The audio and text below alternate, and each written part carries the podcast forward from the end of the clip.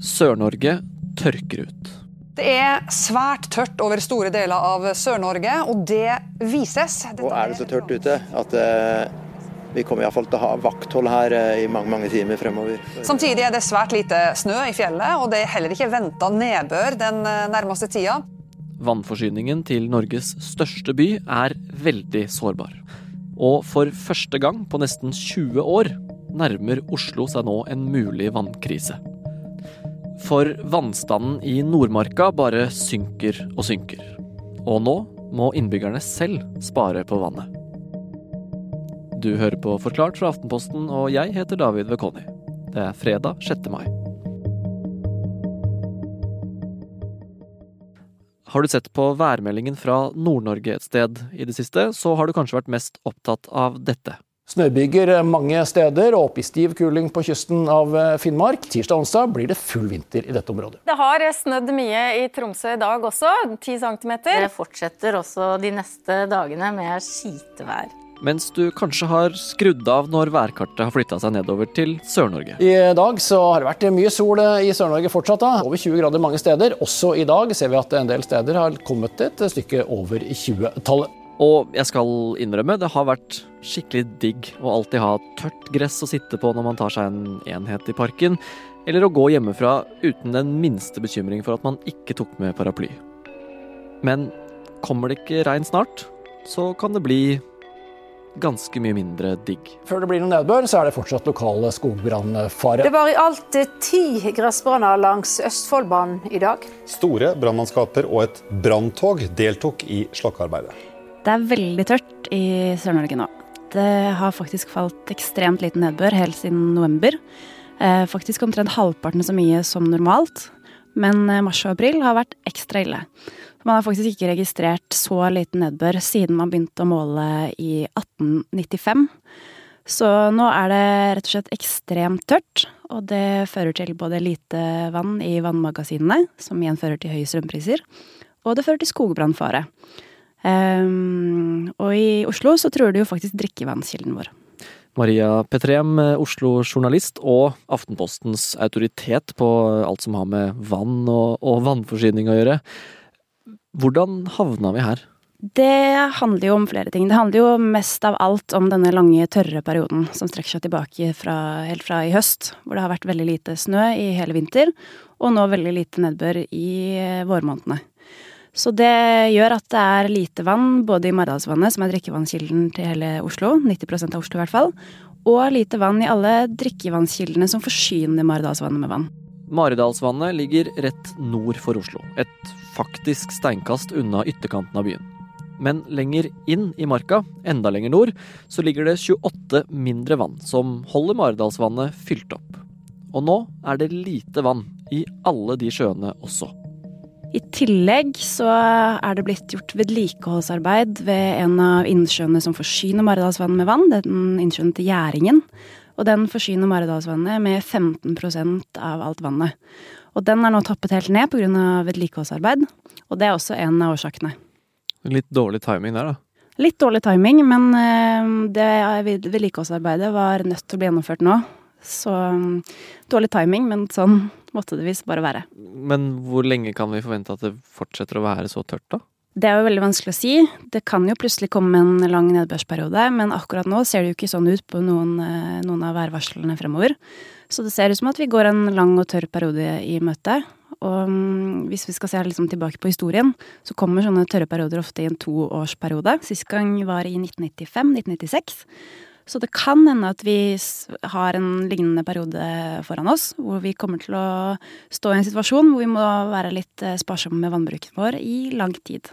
Så nå er oslofolk kommet i en situasjon hvor deilig, klart, fossende vann i springen ikke lenger er noe man kan ta for gitt og derfor tok myndighetene tak. Oslo kommune begynte å ane hva vi hadde i vente i januar, så da gikk de ut i mediene rett og slett og oppfordret folk til å spare på vannet. Så det mente de at ville kunne ha en effekt for å unngå at vi havner i en vannkrise senere i år.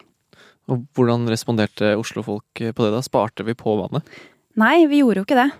Det, det hadde faktisk ingen effekt. Og Oslo kommune har jo selv tatt eh, litt selvkritikk på den beskjeden, kanskje druknet litt i mediebildet når det var så mye annet som skjedde. Det var jo både pandemi, og det var en begynnende krig i Ukraina. Men øh, det hadde rett og slett ingen effekt på, på målingene. Det ble ikke brukt noe mindre vann? Det ble ikke brukt noe mindre vann.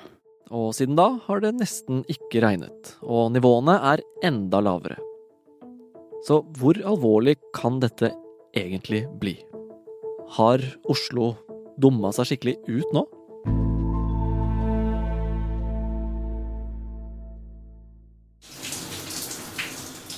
Denne lyden er noe av det som bekymrer vann- og avløpsetaten i Oslo aller mest nå. For dusjing og personlig hygiene står for en stor del av vannet som oslofolk bruker hver dag. En annen stor bekymring ligger i denne lyden.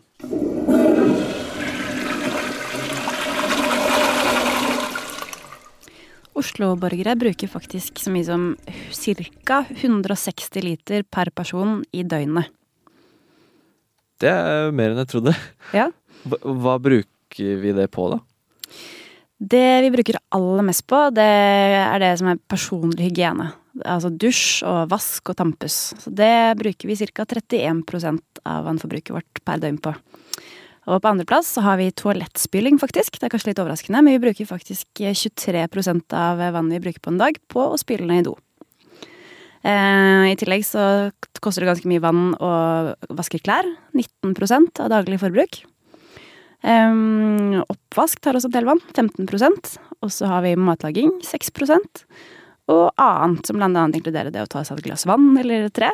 Det utgjør ca. 6 Så ikke slutt å drikke vann, men kanskje spare på andre områder, da. Ja, helst.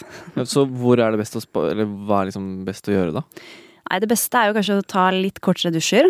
Um, gjøre som Oslo kommune har oppfordret oss til. Trykke på den lille knappen istedenfor den store knappen på do. Kanskje vaske klær på økonomiprogram.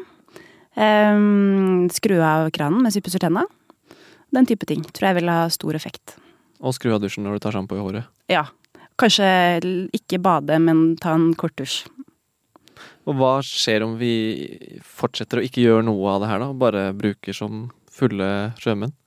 Hvis vi fortsetter å bruke som fulle sjømenn, så, og det fortsetter å være like tørt og regne like lite, så kan det bli aktuelt å iverksette nye tiltak. Altså at um, Oslo kommune må se etter andre typer verktøy for å forbedre situasjonen.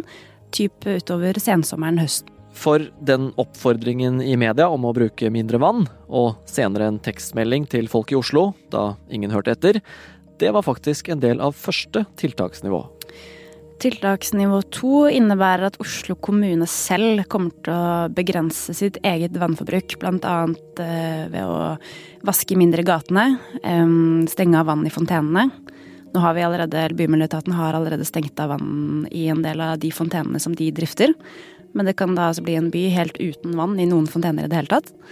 Um, I tillegg så um, vil vannføringen i Akerselva, som jo renner ut fra Maridalsvannet, begrenses. Det blir mindre vann i Akerselva. Hva, hva har det å si, da? Det kan jo i verste fall ha betydning for det biologiske mangfoldet. Akerselva er jo full av, av, planter og fisk spesielt. Og det kan jo bli alvorlig for, uh, for biologien der på sikt. Hvis ikke det er nok, så kommer neste nivå. Da begynner det å bli alvor. Akerselva vil ligne mer og mer på en bekk. Og så vil kommunen gå mer inn i folks privatliv.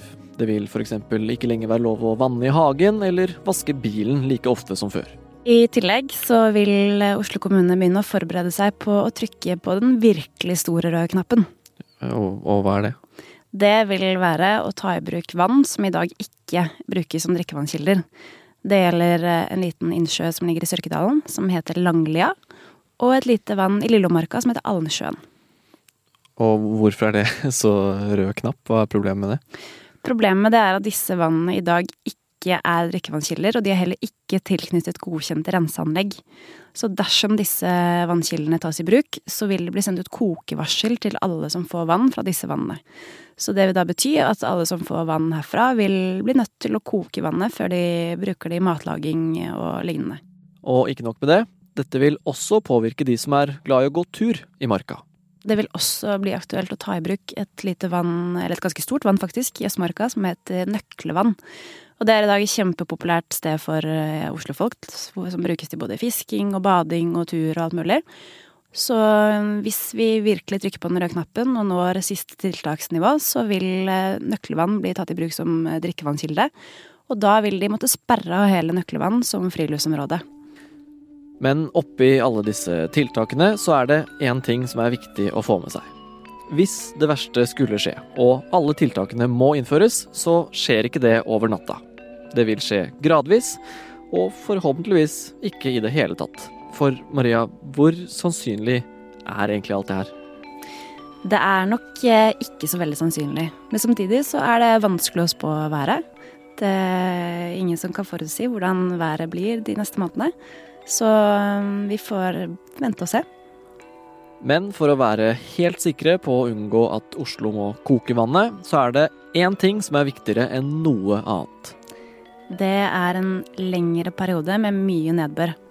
Så det holder rett og slett ikke med styrtregn en dag eller to i Maridalsvannet, men man er avhengig av en lang og våt periode som vil fylle opp ikke bare Maridalsvannet, men også alle innsjøene som forsyner Maridalsvannet med vann. Altså alle, Det er 28 små innsjøer innover i marka som også må fylles opp, slik at vi på en måte har vann i banken. Eh, på den måten så kan man jo regulere Maridalsvannet og holde igjen og kunne sørge for at vi ikke havner i den situasjonen her hvis vi får en ny tørr periode neste år, da. Så optimalt sett masse regn i hele Nordmarka, men ikke noe her nede hvor vi som ikke er i marka hele tiden, er, da? Ja, ideelt sett. Ideelt sett en skikkelig, skikkelig fuktig sommer i marka, men ikke, ikke i byen. Ok, så eh, vi må ha en lang periode med masse nedbør. Eh, og vi kan bidra selv med å spare dusje kortere, trykke på den lille knappen på do. I tilfelle den nedbøren ikke kommer. Er det noe annet som Oslo kommune kan gjøre? Ja, det er faktisk noe mer Oslo kommune kan gjøre. Og det holder de på med akkurat nå, faktisk. Det er noe som har vært snakket om og planlagt og utredet i over 50 år. Men arbeidet gikk første gang i 2020, og det handler om å bygge ny vannforsyning, en reservevannforsyning til Oslo. For i dag får vi jo alle vann fra én og samme kilde, og det gjør at uh, forsyningen er veldig sårbar. Og denne sårbarheten, den er vi nødt til å leve med i seks år til. Den nye forsyningen skal stå klar 1.1.2028. Uh, hvis alt går etter planen, da. Og frem til da så kan folk i Oslo bare håpe på regnfulle år.